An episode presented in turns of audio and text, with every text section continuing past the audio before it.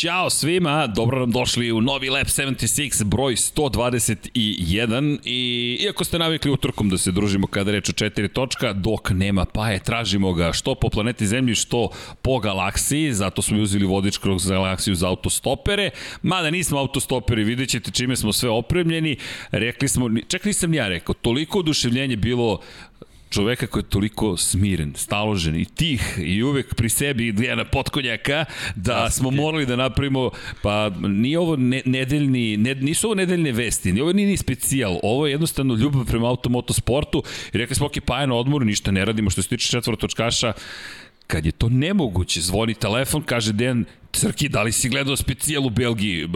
Nisam stigao, MotoGP itd.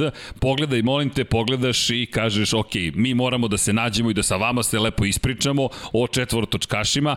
Neću odmah da uskočim u temu, jer običaj je da krenemo prvo da vam poželimo dobro, dobro veče. Nismo, gledate ovu snimku, premijera je, tako da možete da četujete, možda se neko uključi da govori, moja mama verovatno, pozdrav za moju mamu ukoliko se uključila u emitovanje kad god da emitujemo, ali da, ovo mi snimamo malo pre podne da bismo mogli sve da iskombinujemo i uradimo onako kako želimo. Raspored danas. Blagor, uvek, uvek nekako tako smiren, gusti raspored, eufemizam za da. danas je lud dan, ali sve je okej okay. i baš i gust raspored i bit, nadam se da ćete uživati. Vodite računa pre svega jednim drugima, vozite računa jednim drugima, udrite like, udrite subscribe, udrite sve moguće tamo što ima kod YouTube-a, YouTube to voli, uvešćemo uskoro neke, neću da vam kažem šta, mislili ste da će da se izbrbljam zato što je rano ujutro, a mi snimamo. Inače, koliko je sati prošlo od prethodnog snimanja? Od lajva? Par. Par. Pošto je veštačka rasveta, ne možete ni da znate kada je se ovo snima, ali verujte... To je taj trik. Tako je. To, to. To, čak ni Vanja nema sočive, toliko je rano. Pa vi sočiva, izvinjam se po sočive, okej. Okay. ali ja imam naučare, možda bi trebalo još nekog lekara da postavimo među vremenu. No, vozite računa jedni drugima i naravno učinite nešto lepo danas, sutra, preko sutra, 917 3030 to je neka nova akcija. Boško je najzad dečkić koji može da ide na, na, na sledeći korak svoje borbe, skupljeni novac, idemo dalje. Bitka traje, držimo se zajedno, do kada će trajati? Pa što kaže moj dragi kumaca, bogata, rich tapestry of life, kako bismo to rekli, bogato tkanje života. I u pitanju, ljudi, to je život, uživajmo i naravno mi uživamo kroz auto, moto, sport, zato smo se iskupili, skupili, čuj, skupili, vratili se, legli tamo u... Nismo ni išli. nismo ni išli, promenili majice otprilike i to je to, ali suviše zabavno i potrudit ćemo se da pričamo i o VRC-u, i o Formuli 1, i o Formuli E, i o 24 časa Lemana, jer kako bismo bili ekipa koja se ne bi skupila na, na prečaci i rekli čekaj previše događanja, ali zaista je čista ljubav, deki, plan kao imamo i rekli smo i, idemo nekim redosledom, ali tu ni pitanje redosleda. Ja, ja, ja ponavljam, kada si me zvao i rekao Srki, Belgija. Ja bih tebi prepustio, ali ljudi, desilo se, ve, ne velika, velika će da se desi nagrada Belgije, ali reli u Belgiji, što nije baš uobičajena stvar i kako pogledamo kalendar događanja u reli ove godine, ti si taj koji, koji, koji od svih nas najviše i pozna i prati reli, ne znam da li ga najviše voliš, moguće da ga i najviše voliš, ja mislim da je to tvoja baš ljubav, ljubav, ali kad si rekao, ej Srki, da li si svestan, Akropolis, dva relija u Finskoj, pričaš mi šta se sve događa, ja mislim, čekaj, čekaj, deki, stani, stani, sad već nisam ispratio sve što treba da ispratim, ali deki, u Belgiji je bilo nešto posebno. Pa jeste generalno ova, ova VRC sezona, naravno zbog svih tih zdravst, globalno zdravstvenih problema koje smo imali je bila uslovljena i, i pretrpela neke promjene naravno kao, kao i svi drugi šampionati, ali nekako kao da je sve to što se desilo pomoglo VRC-u da, da složi jedan šampionat koji je meni za sad zaista fenomenalan. Mislim, samo ću podsjeti da smo imali u Hrvatskoj VRC, mislim, to je za, za, za sve ljubitelje ovaj, tog sporta stvarno bio praznik. Mislim, nevjerovatno sa, sa naših prostora da, da možeš tako lako da dođeš i ispostavilo se bio je fenomenalan reli, što je ono, stvarno, stvarno sve se poklopilo, međutim, ja teško da mogu ove, ove sezone da, da za neki reli kažem da je bio dosadan. Da, da, zaista, ove godine zaista. čak i ja koji da. ne pratim toliko, kada pogledamo šta se sve zbivalo. Samo da podsjetimo, Reli Hrvatski je bio treći reli ove sezone. Monte Carlo je otvorio celu sezonu. Zatim smo išli na, u arktički krug, Laponija. Na lažni finski reli. Lažni finski reli. Da, ne, ne znamo ko tamo stanuje. Pingvini ne stanuju, da. oni su na južnom polu, ali skimi verovatno. Zatim Hrvatska, što je fenomenalno, što si rekao, Formula 1 VRC je stigla zapravo u region. Portugal, koji uvek je zanimljiv. Uvek, uvek. To je, to je prosto jedno od mesta koje mora se postaviti. Sardinija, ljudi, Sar, Sardinija je isto kultno mesto. Zatim, Kenija, Povratak. Povratak, veliki povratak. povratak Posle toga Estonija, što je bilo vrlo interesantno, pogotovo kada pogledaš da imamo ljude koji, od Tanak nam je Estonac I koji je... imamo prvu pobedu Kalerovan Pere u, u, u karijeri i najmlađi pobednik u istoriji. istoriji znači, svaki reli ima neku svoju crticu posebno i onda stižemo u Belgiju koja e, i, i reli je jedan kultni reli zaista, ali evo ove godine smo imali prilike da njega vidimo ovaj, u VRC kalendaru, što je stvarno ovaj, velika stvar i ono, na moje veliko oduševljenje, zaista opravda sva očekivanja.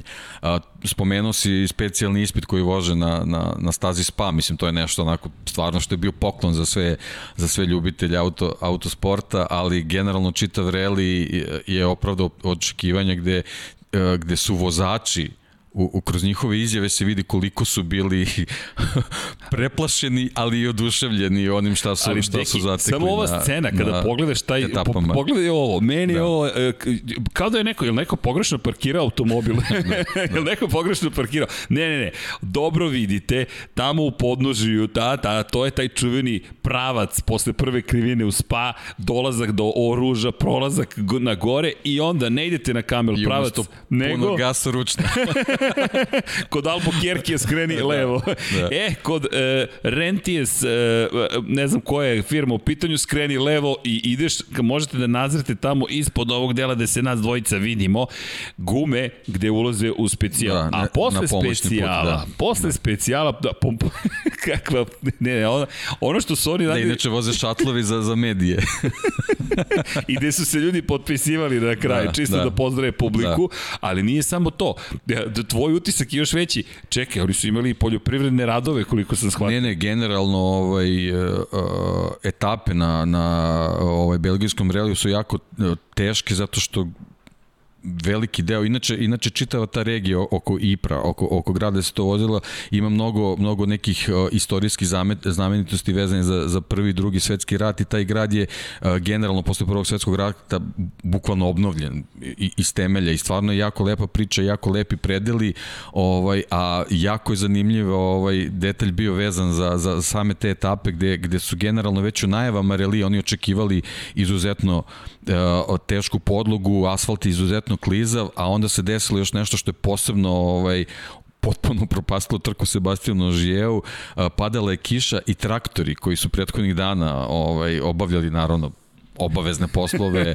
Radili ljudi. Ovaj, da, u, u njivama izlašli su na taj asfalt i naneli blato koje se sledeći dan osušilo. I bukvalno ta fina prašina se pretvorila u tako klizavu podlogu da ni Sebastian Ožije to nije očekivao. On je, on je jednostavno a, a, krenuo u reli sa pretpostavkom da će to biti nezgodno, ali kako je sam izjavio, apsolutno nije mogu da pretpostavi da može tako nešto da se desi, onda naravno izgubio 40 sekundi u odnosu na čoveka koji vrlo dobro zna šta se deša u Berliji. Da baš iznenađenje. Thierry Neuville zaista, zaista ovaj, izuzetan vozač koji je to nekako kroz čitao u, u svoju, svoju ovaj, VRC karijeru nema, nema sreće. Evo da, evo, ovo je otprilike jedan, jedan dobar levo. primer. Da.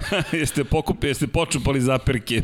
yes. Da, i onda eto dočekao da dođe u Belgiju na, na svoj reli koji zaista pred, verujem da, da ono poznaje kao, kao svoj džep svaku, svaku krivinu posebno ovaj tu prirodu te, te podloge i bukvalno je recimo tog, tog dana je Ožije u odnosu na Novivila izgubio neki 40 sekundi i to je praktično bio kraj relije za njega. Nik, to je nikad bilo više to. nije mogao, nije, nije postao trenutak da može da, da nadoknadi tu prednost, tako da ovaj, to, to, je, to je taj utisak gde je jedan tako iskusan vozač i, i, i u, u svojoj, ne znam kojoj sezoni se susreće s nečim što je ogroman izazov za njega, a posebno ovaj, meni ono veliko, veliko onako oduševljenje bilo kad sam video, bili su oni onboard snimci gde ti vidiš kako se automobil puni i, i, i dolaze pravci da ide 150, 160, 170, 180, sad sve očekuješ neko pušten gasa, međutim ne, 190 i par kilometri tek onda kočenje zaista, znači 200 na sat ovaj, na, na VRC reliju stvarno. Samo da. da stavimo stvari u perspektivu, mi govorimo ovde o putu u njivama, mi ne govorimo o trkačkoj stazi, mi ne govorimo o klasičnom asfaltnom drumu koji se koji autoput nije. Nije da. nešto što je pripremljeno za te brzine i ti ljudi voze 200 km na čas. 200 km na sat da bukvalno ti ovaj, se, uh, ti si osoba koja se prvi put faktički susreće sa tim što je ispred tebe zato što sa svakim prolaskom vozača pre ta podloga se praktično menja. Ožije je imao problem zato što je bio prvi, svaki sledeći Ožije mu je praktično pripremao put, a svaki sledeći onom sledećem pripremao, tako da praktično grip se poboljšavao kako su ovaj vozači u RC-u odmicali, jednostavno eto dobijali smo te neverovatne brzine i ja stvarno ono, baš, sam, baš sam uživao gledajući te specijale. Naravno bilo je ovaj bilo je i ozbiljnih udesa tako da pa ovaj, pri tim ovaj, brzinama da. ne možeš da nemaš incident. Inače od drugog dana smo imali najviše incidenata po onome što sam uspeo da vidim kad smo se spremali ali ako da. se ne varam, Kacuta je imao zapravo... A, Adrian Forme i Kacuta su da. imali dva, dva ozbiljna udesa spektakularna. Ako yes. pronađete na YouTube ima, ima snimaka što amaterskih, što... Iznutra, što kako se vrti u da, krug, da. samo gledaš i kažeš... Ne, ogromne su brzine i jednostavno svako, svaki, svako kačenje bilo čega pored ono, pali sve moguće sile koje mogu da se pojavi i automobili se razleću bukvalno ovaj, srećom ti neki mali aerodinamički delovi odleću. Otprilike podsjeća na bolide Formula 1 Kevlar leti na sve strane tako da ovaj, i iz tog ugla je spektakularno i srećom pretpostavljam se to krenuo da kažeš zaista su bezbedni automobili. To, to, to. Ovaj, imali smo, mislim, ove sezone smo generalno imali dosta, dosta spektakulnih udesa o, o vizualno, ali eto na sreću ovaj, nije bilo težih povreda, tako da Ovaj, eto, želja nam je samo da, da u nekim sezonama koje dolaze da se malo poveća broj VRC automobila, međutim znamo da nas sledeće godine čekaju ta, ta nova pravila, ta nova generacija koji će imati ove hibridne pogonske sisteme, to već samim tim podiže cenu, tako da za sad se zna Hyundai, Ford, Toyota ostaju, ovaj, ali vidjet ćemo, vidjet ćemo eto u budućnosti. Mislim, pa, ovakvi spektakli u stvari pokazuju koliko je ovako nešto potrebno autosportu. Da, i kada pričamo o proizvođačima, kao što si rekao, Ford, Hyundai, Toyota, ono što nekako ka hibridnoj tehnologiji si s jedne strane sve više ide, logično je da će se to desiti. Ako negde mož, nekako mi je mo, teže možda nego i u Formuli 1 da prihvatim činjenicu da ćemo doći do hibridne tehnologije. Baš iz ovih razloga, nekako reli je opet, koliko god je i skup uvek bio, jednostavno nekako je postojala ta romantična Ma, veza jeste, sa, jeste, sa, romantika sa i, i, i to neko viteštvo. I, I meni je ovaj generalno reli, taj izlazak na, na, na, na spa, na, na, na, na taj super specijal, nekako mi probudio ta sećanja, recimo na onu grupu B, ko, koju si, svi se sećamo, svako, da. svako ko, ko i nešto zna o automobilizmu, zna da je postojala grupa B u, u, u svetskom reli šampionatu, sad već 35 godina je, je, je prošlo. 1982. uveden. Tako, bio, da. ovaj, a, a mi pričamo recimo nekim eventima, eto, događaj iz, iz 86. godine, uh, Henry Toivonen, čuveni vozač, ovaj, koji, čija je tragična smrt u stvari povezana sa, sa nestankom uh, grupe B. Uh, legenda kaže da je, da je te godine Lanča sprovodila ovaj testiranje na, na stazi u Štorilu. Uh, Da, evo, ovo je, ovo je taj S4, ta, ta lanča, taj, taj nenormalni S4, da, da, automobil za koga kažu da je, da je mogo da, da razvije, što se tiče motori, do 600 konjskih snaga, a za taj test na Štorilu kažu da je bilo i malo više. Niko, niko nikad nije, niko, ne zna. niko nikad nije zvanično otkrio koliko, ali kažu da je, da je bilo nešto više. Elem, on je na, na tim testiranjima zabeležio neka vremena, a par meseci pre toga, čisto da ne, da ne bude zabune, nije, nije uh, priča vezana za veliku nagradu u Portugal, nego na, za zimska testiranja Formula 1 su naravno u Portugalu ovaj, u to vreme vol, voleli da obavljaju ta testiranje pre svega zbog vremenskih uslova. Ovaj, e, priča kaže da, je, da su vremena Henry Ivonjana bila takva da bi na tim zimskim testiranjima Formula 1 sa ovom lančom za desetu poziciju. Tako da eto, to je otprilike ta, ta neka paralela i, i to neko vreme koje, koje je donelo tu grupu B, ovaj, koji jednostavno eto, Čekaj, po, po toj snazi i otprilike bila gotovo ravna Formula 1. Čekaj, Čekaj, pogledaj ti ovaj kokpit, ovaj instrument, tablu, šta je ovo?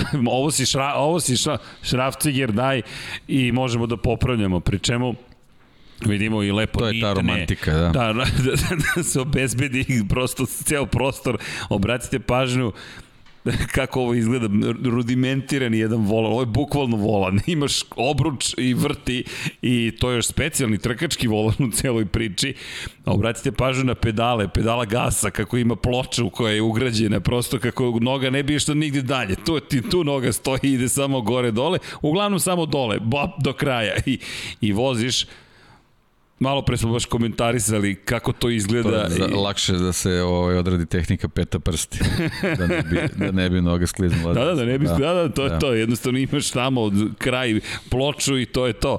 Ali ono što je fascinantno u celoj priči, meni podsjeća me na povratak u budućnosti. Jednostavno podsjeća me na DeLorean i podsjeća me na tu situaciju u kojoj ti imaš instrument tablo, ali tamo gledaš da dođeš do 88 milja na čas. Deki, ovde, to si malo prekomentarisao kad dok smo gledali ove fotografije, u, u sredini instrument table, samo jedna stvar stoji. Tako je, kao u bolidima Formula 1 obrte, tog vremena, to, to. da. da. Pri čemu pogledaj gde se završavaju obrte i na 10.000 obrtaja.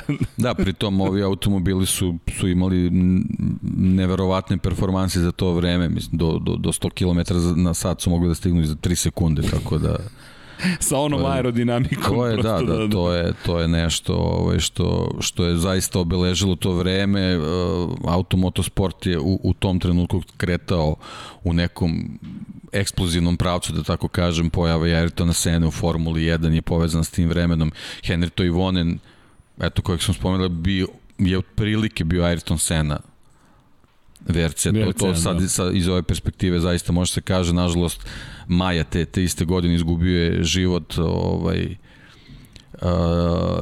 na Korzici, sleto je s puta, niko ne zna šta se desilo, ovi automobili su u svojoj konstrukciji sadržavali mnogo magnezijuma koji to vreme bio materijal kojim se ovaj postizala manja masa, međutim magnezijum kao lako zapaljiv materijal u tom trenutku pretpostavlja se da je prilikom sletanja s puta probušen rezervoar za gorivo ovaj, na, na, na toj deonici bukvalno nikoga nije bilo ovaj, tako da, da tek sledeći vozač koji je naišao ovaj, je primetio dim prošao je ovaj Bruno Sabi, mislim da je bio u Peugeotu 205 T16. Ovaj tek kad je kad je došao do, do sledeće krivine koja je bila oštra, kako je put vodio, on, on je krajičkom oka vide u stvari šta se desilo i ovaj, ne, ne tip, tip, tipično generalno za vozače se zaustavio, vratio su rikverc, međutim kad je sišao bukvalno kad je sišao do, do, do, do mesta nesreće, kad je shvatio šta se desilo, bukvalno je video samo, samo olupinu, onako kostur automobila i nažalost verovatno dva ugljenisa na tela kojima nije bilo pomoći. To je bila kap koja je prelila čašu, pošto na tom reli u Portugalu je takođe se desio udes ovaj, gde, su, gde, gde je jedan od vozača uletao u publiku ovaj, nekoliko gledalaca je poginulo i posle uh, pogibije Henrietta Ivonena Fije rekla to je to. Jean-Marie to Jean Balester, da. čuveni, koji se bukvalno par sati posle incidenta oglasio i, da. i on je svojom odlukom ukinuo grupu B. Da, znači vozila se do kraja sezone s tim što je Audi bukvalno momentalno napustio čito piću, sećamo se i, i, i, i te, te ekspanzije Audija sa Quattrom i Michel Mouton i Valtera, Valtera Rerla, zaista ta, ta era je dala onako legendarne trkačke asove koji su se borili sa tim mašinama, ne znam ni oni kako, Ari Vatanen, to je to je bilo i pritom to su ono one one scene i sekvence to svi verovatno sećaju i iz špica bukvalno uh, vožnje ovih suludih automobila kroz, kroz špalire publike koji su stajali kraj staze Pored. bukvalno da. bukvalno kao na, na Tour de France i Walter Rell je objašnjavao ovaj kako su u stvari prolazili kroz, kroz te špalire kako su spevali da održe brzinu i, i da voze te brzince onda onako malo u šali, ali generalno to objasnio, pa kaže jednostavno te ljude smo videli kao zidove u zid ne smeš da udariš. Znači, bukvalno je bukvalno je tako bilo i to je eto ta jedna era koja se nikad neće ponoviti. Ove automobili koji sad imamo nekako svojim performansama a, a, su nam vratili ovaj e, taj neki neki duh ovaj starih e, starih vremena, ali generalno kad se pojave te nove tehnologije gubi se ta ali, ta neka draž, ali ovakvi reliji kao kao što je belgijski eto nek, nekako kompenzuju čitavu priču. Ali u celoj priči čisto iz tog vremena zašto si spominjao neki istorijske relije? U tom periodu mi smo baš imali te relije, Finska, Monte Carlo, Tako Portugal, je. Safari reli, to je reli u Keniji, to su ti momenti koji definišu da, stvari. Da, bukvalno si od relija do relija morao da menjaš konfiguraciju automobila. I, i ne, i ne da. samo to, koliko takmičara je tu bilo, uh, Akropolis takođe, Novi da. Zeland, dobro sada Novi Zeland je malo problematičan, ali generalno kada pogledaš listu ljudi koji su učestvovali, koji su to automobili, pre čemu proizvođači, Porsche, Ferrari, Pe Peugeot, Peugeot 205, da, Peugeot 205, Peugeot 205 Jean Claude je, Jean Claude je čovek koji, koji je praktično bio na čelu tog programa i, i taj Peugeot iz, 200, iz grupe B 205 je bila i derivat automobila koji je kasnije bio nepobediv na, 24, na, na Reliju Dakar. Tako da to je to je tad Istorija. bila to je bila tad veza i to je bila ta ogromna ekspanzija autosporta koja je to nažalost ovaj pre svega zbog tehnologije koje nije mogla da prati želje i, i ideje koje su imali ovaj, ljudi koji su vodili taj sport, eto jednostavno kad se desi tako neka tragedija, jednostavno je bolje reći dosta. Da, i grupa S je bila otkazana posle toga koja je planirana da. bila za narednu godinu. To je Jean-Marie Balestre u suštini bio čovjek koji je rekao dosta, kraj, ovo je, ovde je kraj, ali da vrlo zanimljivo u, u celoj toj priči, vrlo zanimljivo. To nije ni zanimljivo, ljudi, to je to je nešto što se pamti. I to je, to je, to je tačka. To svaki put sada kada se vratimo tome gledamo krajnje romantičarski, ali izuzetno bilo opasno zaista i fascinantno uopšte da su, da su održavane trke, ali to je i početak osvešćivanja, ej, čekaj, moramo da vodimo računa, ovo su ljudi i da, zabava, super, spektakl, da, ali ajmo da stanemo, zato je ova cela scena, na primjer, koju smo, nismo, ne možemo da vam prikažemo, ali u Belgiji kada se okreću, i onda to posmatraš iz perspektive koliko je to sada zanimljivo, zapravo će svi da izađu bezbedno iz da. automobila. Pa da, ali generalno te 80. godine su bile lude godine za, yes. za autosport, što, što pa generalno. VRC, što je u Formuli 1, jer generalno uh, 80. godine, recimo crna 82. godina kad smo izgubili Žila Vilneva, pa do 86. godine, iste godine kad je Henry Toivonen poginuo u, u, u roku samo nekoliko nedelja izgubili smo Elija De Angelisa na testiranju onog da. super niskog brabama na, na Le Castelleu, ovaj, gde, gde su u stvari počele se prave veliki koraci u u po, po, povećanju bezbednosti, što u ve, uh, relijima, što u, što u trkama na, na, na kružnim stazama, pre svega mislim na Formulu 1. Je to bukvalno od te tog, tog gubitka Elija De Angelisa pa sve do Ayrtona Sene praktično Formula 1 ušlo jedan period gde, gde, gde su ljudi shvatili da je jako važno raditi na bezbednosti. A zadržati opet brzinu i Tako to su je, nažalost sad neki su morali da plate ovaj, pa, životima, baš, baš je bila visoka cena, ali jednostavno ono, kao što stalno ponavljam, auto, auto i moto trku su opasne kako god. A prečesto se dešavaju takve stvari u, u, u ljudskoj civilizaciji, prosto da nešto se desi loše da bi onda da bismo onda naučili, čak ne ne nužno naučili, da bismo shvatili važnost i veličinu, e, što kažu gravitas, težinu da. situacije, jer pomisliš, ma ne, sve će biti u redu, dok ne bude u redu. Da. I kada ne bude u redu, onda kažeš, ok, ovo sad zaista mora nešto, da, ovde mora da se desi. Inače, Toj Vonen je čovek koji, kao što si rekao, bio je prilično bio je slavljen, on je vozio jednosede, tako da ko zna kako bi ta karijera izgledala, to je jedan specifičan pa, ako, period. ako pričamo o letećem Fincu u, u, u auto, autosportu, on je ono pravi primer letećeg finca. Letećeg finca, kako, kako to momci iz te zemlje rade. Iskoristio bih priliku kada spomenjemo, nažalost, ove trenutke koje, koje nerado, kojih se nerado sećamo, ali koji su sastavni deo istorije, samo da spomenem Natali Male, izvršnu direktorku bez staze Spa Francorchamps, nažalost u svemu ovome što se događalo, žena koja je vodila poslednjih pet godina stazu kao izvršna direktorka, je ubijena, 51 godinu imala, prema svemu sudeći, navodi policije, ukazuju, ne znamo da li se to desilo, da ju je suprug ubio, nažalost, i njenu sestru, izvršio sam ubistvo, tragedija nesagledivih razmera, Tragedija pre svega za porodicu, naše saučešće porodici i šokirani smo svi.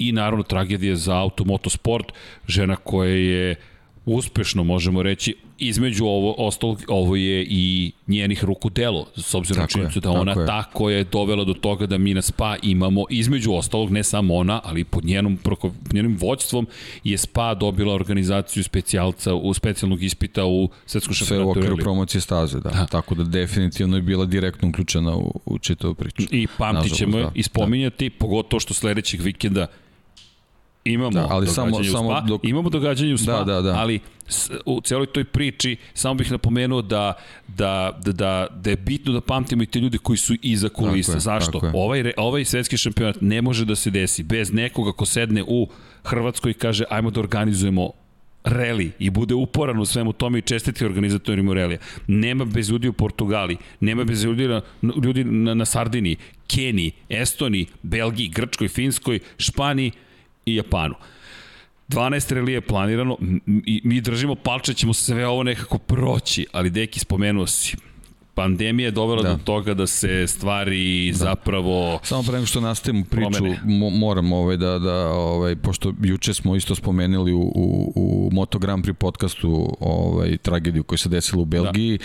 ali nekako u čitavoj priči pobegnu na misli, ovaj nismo spomenuli ovaj naš motociklizam je ostao bez Vuka Tomanovića to je ovaj onako nešto što je obeležilo ovu nedelju ovaj veza vezano za za naš motosport. Vuk Tomanović je legendarni auto o, motociklista ovaj jugoslovenski pre svega moram da kažem zato što se takmiči u tom vremenu. Ovaj i ono što je meni posebno pečatljivo a, su, su reakcije motociklista iz regiona na, na, na njegovu preranu, preranu smrt.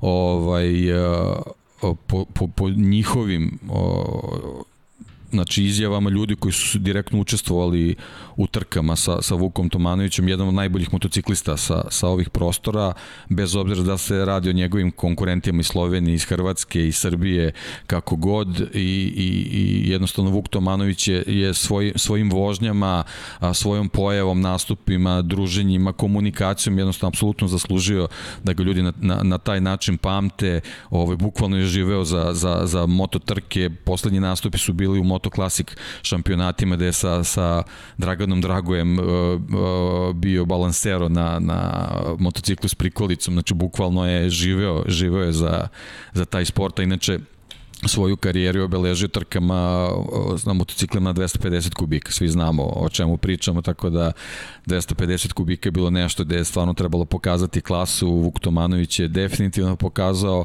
a pre svega zato što ga kolege tako pamte kao, kao velikog, velikog motociklistu i mi smo nešto razgovarali doći će neki, neki period uskoro gde, gde ćemo uspeti možda na neki način da realizujemo našu ideju i da, i da na taj način ovaj, damo omež Vuku Tomanoviću, ali da sad to ne Neka najavljujemo. Nadamo se tako priznanja je, mislim da je sitnog. bilo eto bitno da ga, da ga spomenemo. Jest, jest, ovaj, jest, žao mi je što to juče nismo, nismo radili kad je, kad je bila priča o, o motociklima, ali jednostavno eto, od, od, od gomile nekih dešavanja neka ti pobegnu i, i misli, ali evo, evo sad koristim priliku ovaj, mala digresija vezana za ovu našu automobilsku priču, ali jednostavno Vuk je to zaslužio. Jeste.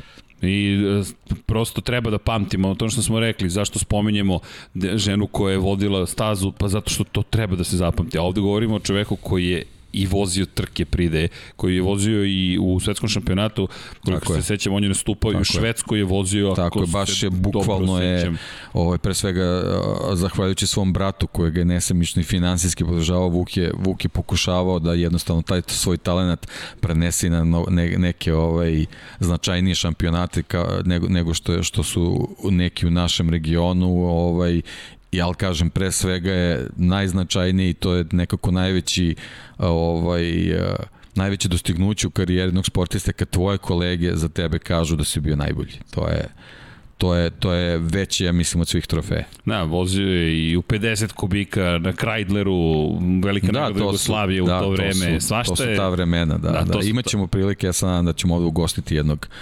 motociklistu iz tog vremena pa da onako iz prve ruke saznamo sve. Nažalost, eto, to, to su eto, neki naši usudi svojih prostora. Jako malo ima dokumentarnog materijala, jako malo nekih pisanih podataka da i mi možemo da složimo neku priču i da nekako zabeležimo i da ove kovećemo i eto da, da, da pamtimo ljude između oslo kakav je bio Vuk Tomanović, ali evo ovo je nek, neka naša, naš doprinos omažu najmanji mogući u cijeloj tako priči, da. Tako je. Ali treba da pamtiti ljudi. Prosto to je to je poenta, ljudi su poenta. Tako je. I nadam se, kao što si rekao, da ne, da ne trčimo pred rudu, ali eto, da... Eto da, razgovarali smo pa ćemo da, videti. Vidjet ćemo. Na, da. Mi ćemo uraditi šta, šta mi možemo da, da eto, na neki način ispoštujemo i obeležimo i zapamtimo i odamo priznanje ljudima koji su utičali, pa i na stvaranje ne samo scene na ovim prostorima, već i na svetu, s obzirom na činjenicu da svaki taj čovek koji izašao sa svojim snovima na stazu je deo onoga što je učinilo Absolut, svetsko prvenstvo, Absolut. svetskim prvenstvom. I, i, I to je to, ponekad se zaboravio, bio je 15. 16. 17. 20. Ne, ne, ne, ne. Sve su to ljudi koji zapravo su stvorili tu jednu, možda, na, možda gledamo vrh piramide, ali je to jedna velika piramida. Poenta je u trudu i poenta u dostignuću, a rezultati tu su eto, čisto kao, kao neke potvrde, ali nisu nužno neophodni. Tako da da. Čak i neki rezultati nisu ni toliko značajni u zavisnosti od nekih okolnosti u kojima su postignuti. Ali svaki trud i svako dostignuće treba ceniti. A to je poenta i inspiri, inspiracija je i Tako to je. je takođe inspiracija za svakog od nas može da bude, na primjer, da je neko rekao, ok, ovo je moj san i uspeo da ostvari deo tog sna. To su mnogo lepe stvari i slava oboma, zaista. Tako je. I hvala im za sve što su radili za automotosport. I najmanja stvar kada se učini, pa je velika stvar. Tako da se trudimo da prosto zapamtimo neke stvari. A da, da, da pokušamo da kažemo, ok, ovde ćemo da se zaustavimo, da bismo ostvarili to što smo isplanirali. Nismo mi, Deki je isplanirao, ali će se cijela ekipa potruditi da se to realizuje. Tako da, hvala Deki. Čovek velikog Hvala i vama. srca. da, da, ali, ali to, i to treba istaći takođe da se i vratimo na stazu tamo gde su da, i da, oboje da, ovaj, i da, spomenuo su taj kalendar pa VRC-u koji treba se završi sa, sa relijem u Japanu, međutim kako u nekim drugim šampionatima tek u stvari Nisam siguran. Da, da, da, i da to je jedna od najvećih vesti koje imamo ove, ove nedelje, zapravo juče saopštena, ako pogledate kalendar se ponovo promenio, konkretno promenili su se svi kalendari tokom ove godine i teško je prognozirati šta će se dalje desiti, ali moram priznati da nije nije neko veliko iznenađenje da je otkazana velika nagrada Japana, da, da je to prosto potvrđeno. Nažalost, u Japanu je došlo do naglog porasta broja obolelih od COVID-19 i organizatori su juče saopštili da je došao moment na zahtev vlade Japana da se prosto otkaže trka Formula 1. Da. I to je generalno veliki problem za VRC, pošto trka Formule koliko mi se čini sredinom oktobra treba da bude. Jeste, trebalo je da bude 10. Je, oktobra. A, a VRC takmičenje druge nedelje novembra, tako da to je jako blizu, ako je Formula 1 otkazana, velike, velike su verovatnoće se to desiti VRC-u, eto, nadamo se možda da, da nešto može se promeni, još nije zvanično nikako saopštenje iz VRC-a stiglo, ali, već. ali ovaj, ja verujem da i oni sad osluškuju čitavu situaciju oko Formula 1 i da već razgovaraju sa vlastima Japana da, da na vreme saopšte ovaj, s obzirom, ali s obzirom da je poslednji reli u sezoni, možda će bukvalno čekati do poslednjeg trenutka, da. samo da ekipe znaju da neće putovati dalje, ali to je opet ono što smo pričali, opet to malo ugrožava ovaj, regularno samog takmičenja i tako dalje, posebno u neizvesnom šampionatu kakav je VRC. I jedino šta, šta nas spašava Kenija, bukvalno nas Kenija trenutno spašava, otkazan je reli Čilea, Otkazan je reli u Šved, Švedske, ali Švedska, ok, Evropa. Velika Britanija, opet Evropa. Čile je predstavljao Južnu Ameriku. Uh, nismo posetili Južnu Ameriku, Aziju bi trebalo da predstavlja Japan, nećemo je posetiti. Kada je reč o Formuli 1, s druge strane, Šta sad ovo znači za, za šampionat? Trenutno nismo dobili nikakvu novu informaciju, niko nije se oglasio iz Formule 1 po pitanju promene samog kalendara. Dakle, čekamo i dalje. 23 trke žele prosto da, da, da organizuju. 20 trke mnogo, mnogo u, u, u jednoj uobičajenoj godini, kamali u godini koja opet obeleža COVID-19, ali pošto i ova godina obeležena time, ali činjenica je da, da je to neka želja i da može da se desi da ćemo ponoviti, da ćemo se vratiti na neke staze dva puta u Evropi, da ćemo ubaciti još neke staze koje smo već posećivali trenutno dosta i da ćemo možda dobiti tu trku u Kataru o kojoj se sve više priča kao mogućoj destinaciji da. za kraj sezone to su makar trenutne Pa da, spekulacije. generalno to je ono, ono priča kako smo imali prošle sezone, potrebno je popuniti taj, taj, taj broj trka, naravno svi mi kao, kao gledalci ne možemo da se žalimo, ono bitno je da, da, da, da gledamo same trke, ali jednostavno zbog, zbog te neke organizacije šampionata možda nije ovaj, kao što si rekao, nije, nije baš, baš najlepše ovaj, ponovo imati sliku da, da se čitavi svetski šampionati uglavnom voze u, u Evropi, on posebno što je ovaj eto ono žal vezano za, za Japan, ovo je već druga druga godina ovaj da nemamo trku tamo i jednostavno Honda ovaj znamo da izlazi iz, iz projekta Formula 1 kao proizvođač motora, jednostavno eto nije dobila priliku da, da se na svom terenu i znamo pred kakvom publikom oprosti od, od ove priče ovaj Yuki Tsunoda jednostavno koji onako već postaje superstar u svojoj zemlji, neće imati priliku da nastupi ovaj, pred svojom publikom, ali eto, mislim, imamo Moto Grand Prix ovaj, kako bih rekao, jed, jed, nepravdu da Valentino Rossi ne može na pravi način da završi karijeru, tako da nažalost eto, to je ta neka realnost sa kojom se susrećemo i, i, i, i mnogo raznih organizacija pojedinaca ovaj, osjeća ovaj posledice covid u, u smislu neke svoje interakcije sa, sa publikom i nekim mestima gde bi možda njihova performansa bila bolja, evo kao što smo imali Thierry Neuville u Belgiji, njemu ovo super prijalo i, i konačno je, konačno je razbio taj, razbio taj maler, da je, jel, jel baš je bio nesrećan u nekim finišima relije da je gubio pa, izvini, dobijene trke praktično. U Keniji je imao, i, da. i u Keniji otkazalo oslanjanje za... Da, da, da, da, u Hyundai to, to im je nekako ove godine, ono, kao, godine kao baš, dobar dan. Da, da, da, baš da, se dešava.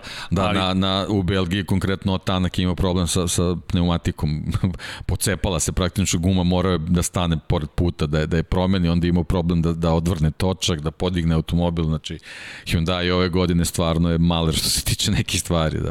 Ali evo, Neuville što Neuville se njega tiče, da, da, eto, e, konačno je rešio. Ali da. to je, ali zanimljivo je kada pogledaš Hyundai koji ima silne probleme, a opet pogledaš malo bolje i kažeš čekaj, ali šta, vi imate vozače koji mogu tako mnogo toga da postignu, međutim obrni okreni, Sebastian Ožije je taj koji je na prvoj poziciji. Da, kao, kao nemačko futbol. Da.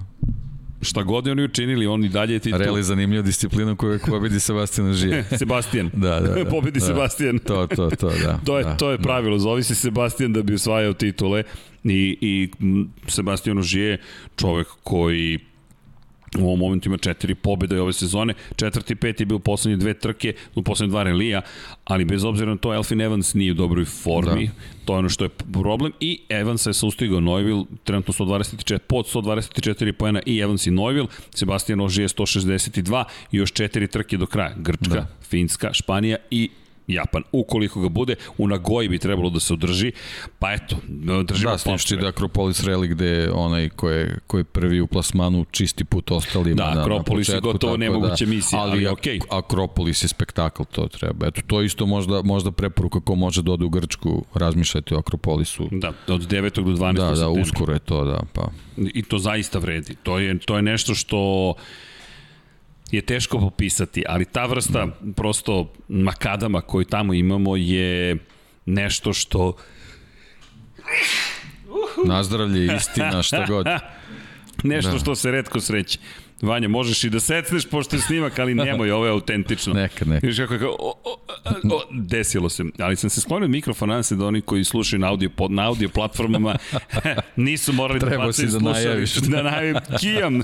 E, možda je to timbe. Da, to, to. Moram Vanji da kažem, moramo signalizaciju da uvedemo. Ali dobro, mi se ovde trudimo da budemo autentični uvek, tako da, tako da, what you see is what you get. I vrlo da. jednostavna filozofija. Ali da, sve je krenulo, kažem ti, od toga što si spomenuo Belgiju sa toliko strasti i energije i nije ni čudo, inače Novil jeste pobedio druga pozicija i prepila Kregu Brinu. Da spomenemo Brina, Brin vrlo interesantan vozač Irac je u pitanju, koji nije vozio sve trke, ali u poslednje dve trke dva puta na poziciji boj, da, broj 2. u principu kad se, poka, kad se pojavi, on, on odradi svoj posao i ovaj, Dobro jako, izgleda jako to. važno. Ja, mislim, ja sam pre, pre Rilija nekako mi je bilo, ovaj, ne, nekako mi se, ono, naslučivao sam će Hyundai biti dobar, da će konačno prekinuti taj, taj, taj niz vezan za svoje problema, ali, ali generalno moj, moj neki tip za trio na, na, na podijum bio je o, Tanak, Ožije ne znam, no, ono, nisam sad pretpostavio kakav bi raspored mogao da bude, ali eto Tanak sa, sa problemima zbog pneumatika još je zbog te, tih ne, nepredviđenih situacija sa klizavom podlogom na početku ovaj, otpali su iz, iz, iz konkurencije, tako da je Neuvilu nekako bilo lakše, međutim vidimo, razlike su bile jako male kad se, kad se reli završio 30 sekundi razlike samo bilo između prvog i drugog, tako da bilo je to, to neizvesno do, do, do finiša. Ma deki, da, ovo kroz njive i kroz Kažem, oruž. Ja, ja ono, ako, ako nešto treba da ostane sledeće sezone u VRC-u, to je, to je. To vidi, to. držimo palčeve, možda držimo smo... palčevi Hrvatskoj i Belgiji. Da, ovaj... Hrvatska pre svega, to, to da, tu smo sebični zato što da, tako je, tako, tako je. blizu su i bilo bi super, ovaj, a Belgija to zbog zbog tog spektakla koji nam Hrvatsku ostali smo da. dužni tu priču dodatnu, ali dobro. Da. Dobro, mnogo toga smo sebi zadali zadatke, ponekad malo i previše, ali ne, ne bežimo od obaveze i odgovornosti, tako da ćemo se potruditi da, da i to ispunimo ne pitajte ništa ili pitajte sve kako god želite. Evo, počeo sam, vidiš, vreme, ljudi, vreme je za odmor. Vreme je da idem na odmor, moramo, moramo da, da, da nešto izvedemo po tom pitanju. Kada, eto, Vanja, ti dozvoljavaš da, da odem na, na pa... Vanja mi je rekao, bi se. A, da, a, teško Vanja, ti znaš da sam ja uporan, ali ovo je takođe nešto što Mi smo volili da se zaista desi jer nam je potrebno posle dve godine velikih problema u automotosportu ovakvi događaji. Nekako i da nas podsete zašto je automotosport toliko lep i, i trke kako imamo. Što u Moto Grand Prix, što u Formula 1 ono što je fascinantno u ovoj godini u kojoj toliko problema imamo pa u prethodnoj dobijemo neke od najlepših trka. Dobijemo spektakularne sportske događaje kao da kroz tu muku na muci se poznaju junaci i u Moto Grand Prix I prva i druga trka, suvo, kiša, spektakularne, dakle, i da nije pala kiša u, u, na Red Bull ringu, bilo bi sjajno. U Formuli 1, kakvi duel između Maxa Verstappena i Lewisa Hamiltona. Alonso koji se vraća. kišom, na, da. I, a, a, a, a mi smo na pola sezone zapravo. A inače ulažemo u period godine kad kiša postaje normalna Ako ostanemo u Evropi. Belgija da. da, pada da, na jednom mestu, na drugom mestu ne pada, pa se ti snađe. Ne, izvini, pa i zašto smo nazvali kišni čovek, Brad Binder kišni čovek, čega se ti setiš? Moram da te Da, pitam. kažem, meni je, meni je prva asocijacija na termin kišni čovek je ovaj, Mihael Schumacher i njegova vožnja po, sa slikovima po, po kišnom Spa Frankoršampu, to mi je, to mi je glavna asocijacija i to je ona, ona stvar da nikome ne moraš da objašnjamo zašto neko posjeduje veštinu vožnje po kiši kad si ti sa slikovima na, na, na vlažnoj stazi, na toj stazi kakva je Spa Frankošan brzo, to je to, tu nema šta više se priča. Čovek koji ima neke od svojih najboljih, najboljih nastupa upravo na Spa i, i u pa Benettonu, i, Spa, dobro, i mislim, generalno prva pobeda u Ferrariju, po kiši u, u Španiji, tako ima, ima, ima trke u karijeri gde, gde se pokazuje koliko bio dobar po kiši, ali meni, meni prva asocijacija mi je to.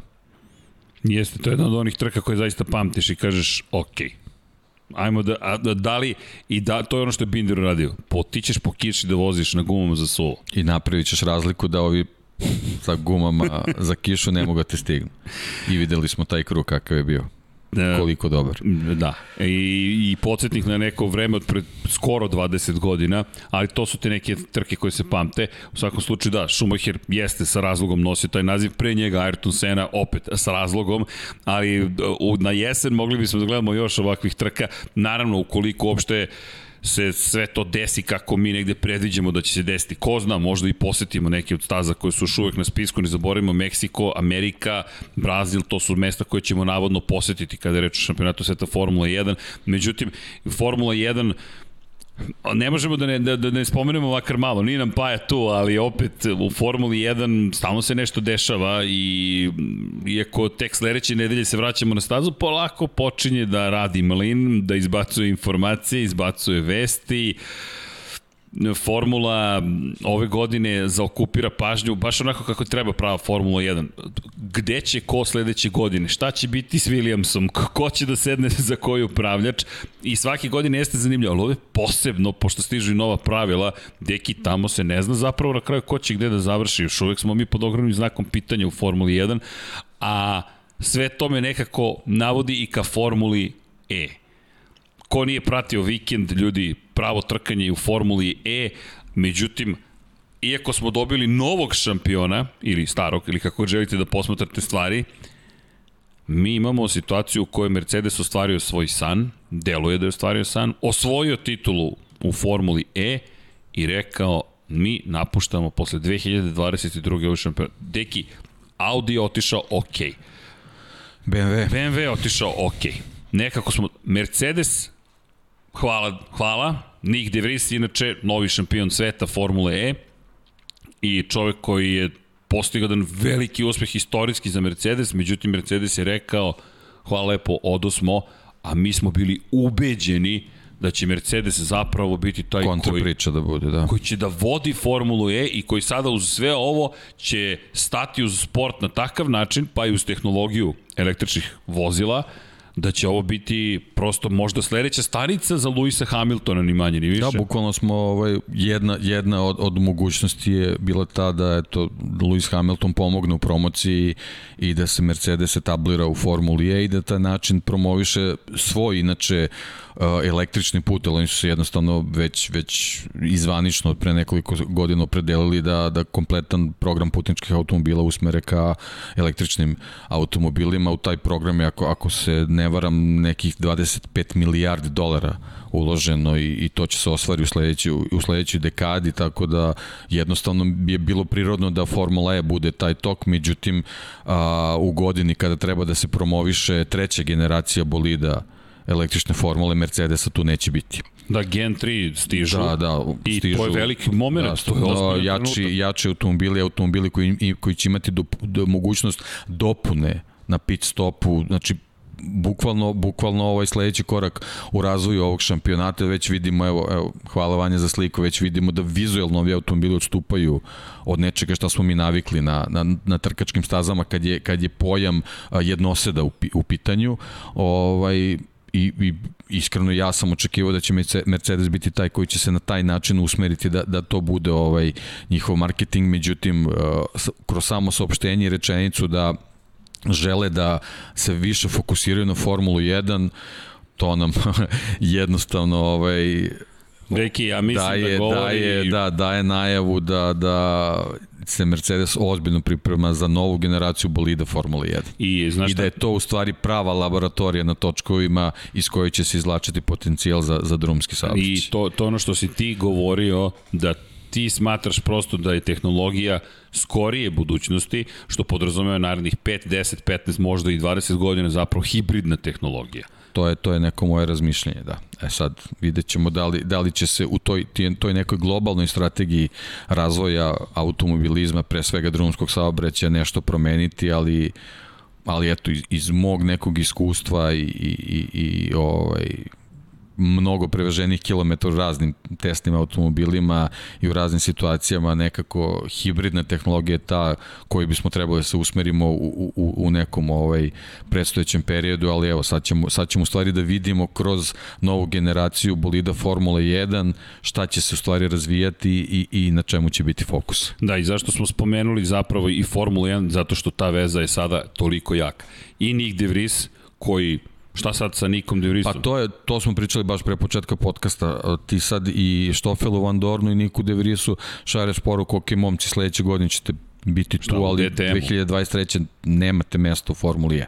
Jer da. ne, mi ne postojimo, to je možda Da li je prodati. DTM, da li ste, da li ste naši novi test vozači, da li ćemo se ustupiti nekoj ekipi. Sad se to tržište ovaj, vozača, kvalitetnih vozača koji su u Formuli E pronalazili utočišta ako, ako moraju da pauziraju sa Formulom 1 ili ne mogu da pronažu angažman u Americi. Formula E je bilo dobro ne mesto, posebno u trenutku njene ekspanzije i pojave ovaj, druge generacije bolida, a je sad međutim sa, sa ovim porukama koji su poslali ove velike nemački proizvođači koji su generalno napravili ogromnu turbulenciju DTM-u i, i ovaj, sada i u Formuli E, jednostavno vozačima je poslata poruka da će morati mnogo bolje da porade sa svojim menadžerima na, na obezbeđivanju pozicije od 2023. godine. Da, ali mi- mislim da, da si ti zapravo suštinu i, i pogodio davno, prosto si rekao hibridi su budućnost. I dok smo pričali o tome, pa mi smo otvoreno diskutovali o tome koje probleme vidimo sa električnim vozilima i stojimo pri tome,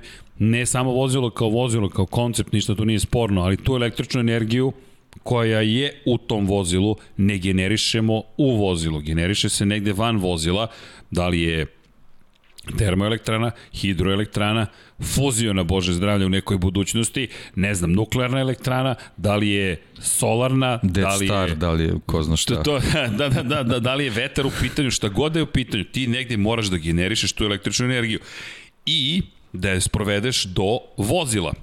Samo da zamislimo sledeću stvar. Grad veličine evo, možemo, u Beogradu smo, veličine Beograda, ima milion i nešto stanov, milion i po stanovnika i ne znam koliko tačno vozila. Pa toliko isto. Otprilike. Milion i po vozila. Zamislite milion i po vozila koje su istog trenutka prikači ili manje više sličnom trenutku prikači na električnu mrežu. Stigli su ljudi na posao, stavljaju automobile da se pune. Zašto? Da bi mogli da ih koriste kad idu kući. I to opterećuje električnu mrežu koja ne postoji. Ne postoji električna mreža koja može da izdrži trenutno tu vrstu opterećenja. Mi ne govorimo o nekoj slaboj struji, mi govorimo o struji koja mora da nosi ozbiljnu snagu sa sobom. Mi govorimo manje više o tome ako hoćete brzo da se napravi superčaržeri. Trofazna struja, ljudi, to, to je otprilike to. Pa sad zamislite samo koliko će to električne energije da povuče u datom trenutku, treba stvoriti infrastrukturu. I mislim da si zapravo objasnio još pre godinu jednu šta će se, de... nema nužno da će se ovo dogoditi, ali da je kolike prepreke čekaju zapravo proizvođače i mislim da ovo posledica toga da je Mercedes zapravo takođe negde shvatio ljudi požurili smo. To je pitanje tajminga, da se vratim na primjer na trku MotoGP prethodnog vikenda. Da, i Jack Miller je bio na motoru sa gumama za kišu. Da, i Alex ali Rins je prerano, bio, da. ali prerano. Tajming je mnogo bitan moment. Ako ne pogodite tajming, sav taj trud i fenomenalno sve što pripremite, nema, nema svrhu prosto. I imam stičem sve više taj utisak, jer ovo, deki, ovo je uništenje šampionata, možemo mi da uvijamo reči, ali ti sada ostaješ bez bez Pa ostali smo sa Jaguarom, DS-om, to je Citroenom. Citroenom. Uh, ostali smo sa Nijom, ovaj, koji je onako ozbilj, ozbiljna kompanija u toj priči sa električnim automobilima, sa Mahindrom i to su generalno eto neke, neke kompanije koje će sad nositi, nositi tu čitavu priču, tu je Venturi i tako, ali, ali, ali to nisu ta imena koja je. svojom ozbiljnošću daju, daju neki, neki legitimitet šampionatu koji inače tek od prošle godine pod FIOM. Tako, do, do, je upravo Dugo se to. borio da dođe pod FIOM i kad je uspeo da, da, da, da dobije to prepoznavanje, sad odjednom ostaje bez, bez, bez velikih proizvođača, naravno. Pazi, Mercedes je ogroman da. proizvođač, je, je toliko velik, mi pričamo o, o ljudima koji su obeležili poslednje tri decenije Formula 1, da li kao proizvođači motora, da li kao samostalna da. ekipa, pa i početak, e, početak Formula 1 obeleži Mercedes. Ti često ti tičeš koliko se zaboravlja, koliko je Mercedesu zapravo važna Formula 1. To je veoma važno i Mercedes je veliki, veliki, veliki brend. Ajmo da pričamo o robnoj marci. To je jedno ozbiljno ime koje kada kaže mi nećemo ovome da učestvujemo, to utiče, to mi je na, na, na, na berzi, deonice su pale. Sad, da li će se i kada vratiti, ne znamo. Pa ne, evo, evo daćemo banalan primjer ove vesti, da je recimo NIO saopštio da izlazi iz Formule E. Ok, propratili bismo to. Tako je. Ali ova vest da, da se Mercedes povlače, mislim da ne postoji medij koji se bavi praćenjem automobilizma i autosporta da je da je nije objavio. Da, i ovo je prevazilazi čak da, i automotosport. Da, ovo ima je. ozbiljne posledice na razmišljanje o autoindustriji. To je ovo upravo što i mi komentarišemo. Ako, smo se, ako se Mercedes opredelili samo za električna vozila, da li to znači da ćemo ipak dobiti informaciju ako investira u vrhunsko takmičenje hibridnih pogona Formulu 1, da će reći, ej, ipak ćemo imati i hibridne pogone. Jer bojim se da ukoliko je ovo poruka, a ti odustaješ od nečega što bi trebalo da ti bude reklamna platforma, reklamna marketička platforma. A koja nastavlja sa svojim razvojem, znači dolazi pomera neku svoju granicu koja tebe izgleda ne zanima, nisi zainteresovan da to priču. To je onako sad baš, baš neka relacija o kojoj, o kojoj treba da se razmišlja. Jer ovo, ovo, da. ovo što si malo pre rekao za vozila generacije 3 je mnogo važan moment. Mi smo imali u generaciji 1... Izvinjavam se, nisam sam zaboravio da, kao, da, nisam, kao nisam, ključan, da. ključan proizvođač u čitovoj priči. Jer mi, mi sad imamo sledeću situaciju. Generacija 1, oni su imali dva bolide tokom trke, pa ti iz jednog preskočiš u drugi, jer baterija nije bila Tako dovoljno, dovoljno velikog kapaciteta da izdrži ceo celu trku. Generacija 2 je dovela do toga da ne moraš da skačeš iz bolida u bolid, nego jedan bolid može i još je bio jači i još je promenio svoj oblik. Sada dolazimo do generacije 3 i to deki u rasponu od 6-7 godina. Tako dakle, je. To je... Pa to su otprilike generacije koje traju neke 3 do 4 sezone. Tako je to otprilike je to. i to je jako dobar koncept, jako zanimljiv koncept zato što svi koji učestvuju u priči znaju kako trebaju da, da naprave svoje faze razvoja, da, to je okej. Okay. Ne, bilo diskusija o tome, ok, razvili su motor, tu nema šta više da se razmije, elektro, ele, to, je, to, je, to, je, to je elektromagnetno polje, zapravo obratno polje, ti u suštini prenosiš svu snagu direktno na točkove, ok, ali nije tako jednostavno. Ovo je zapravo pojnta tako vrhunskog šampionata. Kajmo do sada da razvijemo brze punjače Pa, pa da, i sistem rekuperacije i sve to, sve Elektronike to da. koja će da bolje upravlja, pametnije da upravlja, da. pali gas i tako dalje. Tako da je ovo i guma takođe, nemoj zaboraviti da jedan od mojih dru, dru, dragih drugara koji, koji ima Teslu, koji vozi Teslu, mi rekao, kaže, Srđane, najviše trošim gume, ja zapravo trošim gume. To se zaboravlja, taj obratni moment, sve to spektakularno, ali gume nisu pravljene sa tim konceptom u glavi, pri čemu pneumatike proizvođači guma prave kroz ono sve što su prikupili od potaka za motore sa unutrašnjim sagorevanjem. Pri tom, kad, kad krenemo na globalnu priču vezano za automobilizma, mislim, gume su, proizvodnja guma je ozbiljan zagađivač prirode. Jedan od najvećih zapravo i Tako da, problem u reciklaži. To su sve te, sve te priče koje kad, kad gledamo kroz, kroz prizmu samih šampionata koji možda nisu tako veliki, nemaju toliki uticaj na, na primjer na životnu sredinu, ali kad to sve prebaciš u neku, neku globalnu perspektivu, ne, neke uh, ono, korisničkih potreba, kad dođeš do nekih brojeva shvatiš da to baš i nije tako. I ovo je sada, i zato ovaj gubitak, da te citiram, Formula E ostala bez zvezde, bukvalno ostala bez zvezde, s obzirom na činjenicu da je Mercedes i zvezda u znaku i zvezda, došli smo do toga da sada ne znamo šta će biti sa šampionatom iz te perspektive. Mercedes je rekao možda ćemo ostati kao privatna ekipa. Da, oni su ponudili da prodaju ekipu. Da prodaju. Kao da. Honda što je prodala da, da. intelektualnu... I ono što smo pričali, imali smo onu posetu, rekli, oni jednostavno sve svoje aktivnosti gledaju da unovče kako bi očigledno ovaj, da, zatvorili budžet za Formulu 1. Fascinant, moram ti da. da me inspirisao. Gledam ovako, da za oni koji ne znaju, poseta Brekli, kako je funkcionisala, virtualno smo posetili fabriku Mercedes AMG F1 ekipe i slušaš kako zapravo oni od svega su napravili dodatni biznis. Nema spavanja na poslu, bolid je ofarban, ok, farbari, šta ćemo sada?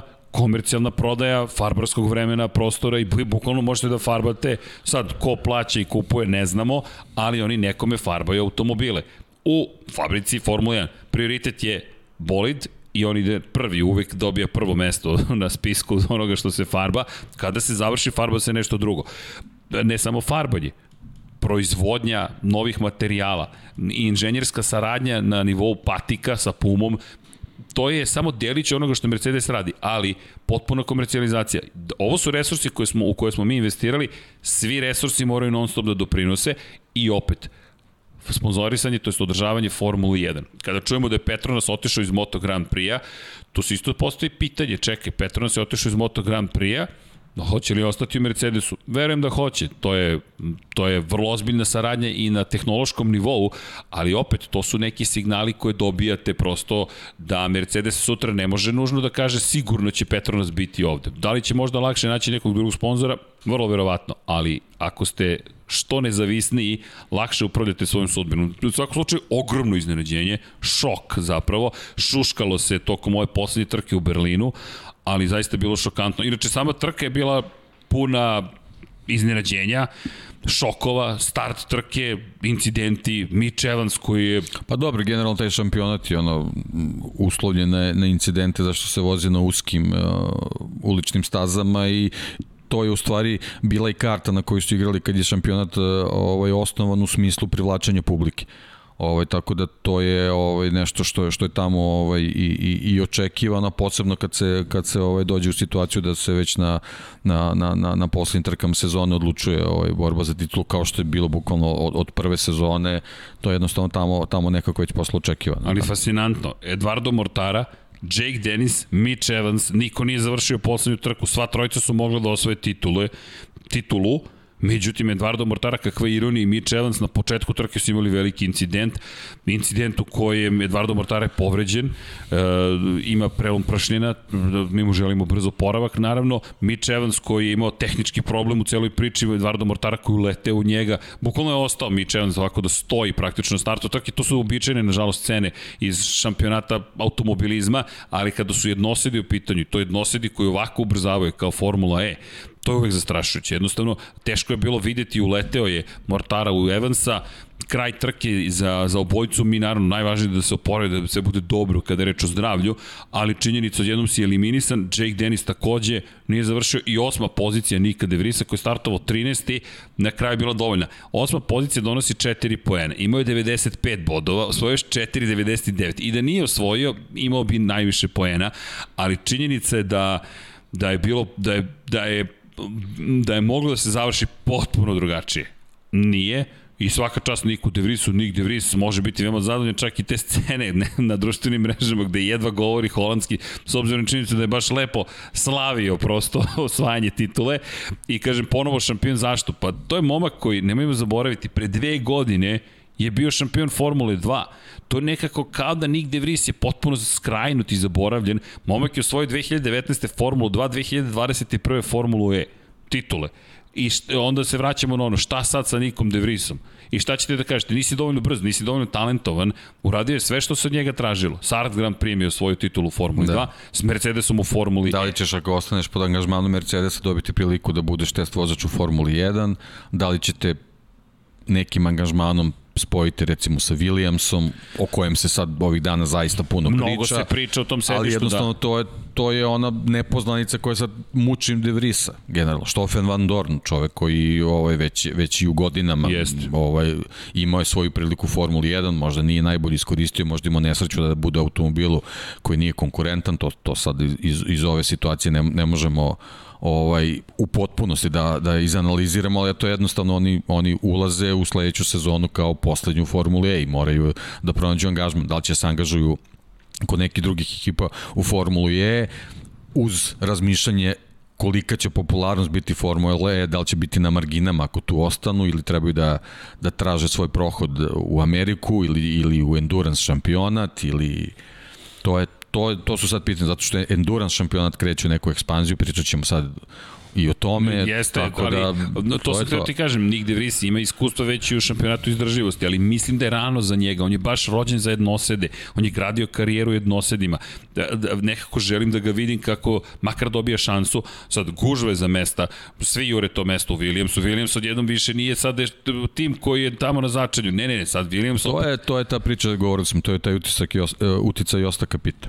To, to je jednostavno, to ti kad sedneš kada razgovaraš sa Jostom Kapitom, pregovaraš, verujem da, da ovaj, izlaziš sa sastanka prepun utisaka zato što razgovaraš čovekom koji vrlo dobro zna kratkoročno i dugoročno šta će uraditi sa projektom koji mu je predat u ruke. Tako da ovaj, mislim, mislim da je to taj uticaj. Da, i, i, i ti si iskrenuo pažnju. Kada je stigao Jost Kapito, ljudi, vodite računa, ovaj čovek zna šta radi i znamo iz iskustva da zna šta radi, sada odjednom svi žele u Williams zapravo, birajte, Nick De Vries, uh, Alex Albon, Dani Kvijat se spominje u nekoj priči, Valtteri Bottas se spominje, koga sam zaboravio, dobro, George Niko Russell, Hulkenberg. Niko Hulkenberg. Nikola Latifi, čovjek Nik... koji donao prve bodove Williams ove sezone. Ima više Kako, poena od što je pa, prošao je prvi ciljem, znači zapisan je kao to, prvi osvajač ove sezone. To se nešto zna, da, to, je to. To, se, to se nešto, nešto govori, tu se nešto e, zna. Ako, ako je on da kažemo pod navodnicima olakšao priču u prethodnim trkama sad komplikuje situaciju i on sad kaže čekaj ja nešto vredim. Ja sam nešto ovde postavio, pa, pogledajmo ja nešto tabelu. Postigao, tako je. I tako odlično je vozio, tako, tako je. da je kompleksna tu situacija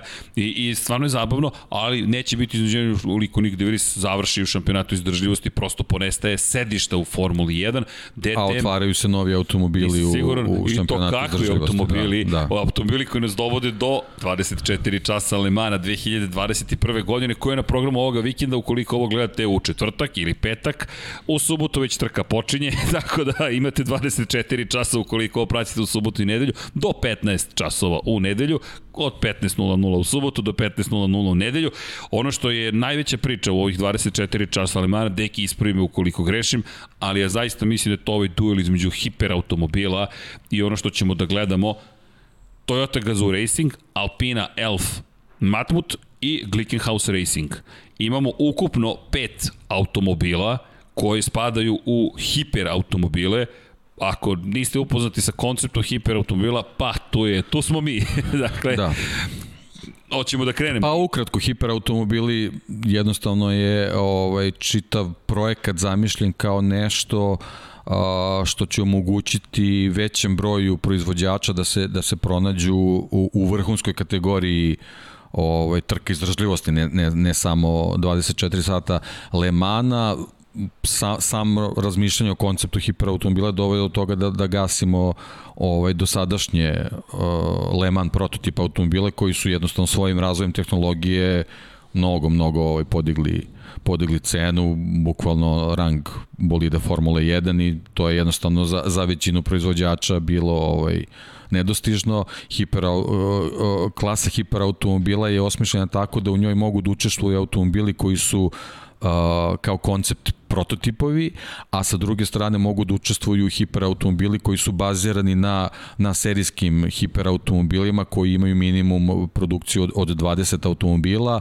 u roku od dve godine to je već otvorilo mogućnost da se, da se pojave i, i neki proizvođači kao, kao i neki, neke ekipe koje će od određenih proizvođača, proizvođača uzimati automobile kao osnovu za razvoj hiperautomobila za, za trke izdržljivosti, posebno 24 sata Le Mans. I samo da napomenemo, ono što je vrlo interesantno u celoj ovoj priči, mi imamo od tih pet automobila dva hibrida i to su Toyotini hibridi, međutim, što Alpina, što Glickenhaus se oslanjaju zapravo na malo klasičniju reka, klasični Zato što između pogon. ostalog tehničko pravilo omogućava potpunu slobodu u kreiranju motora.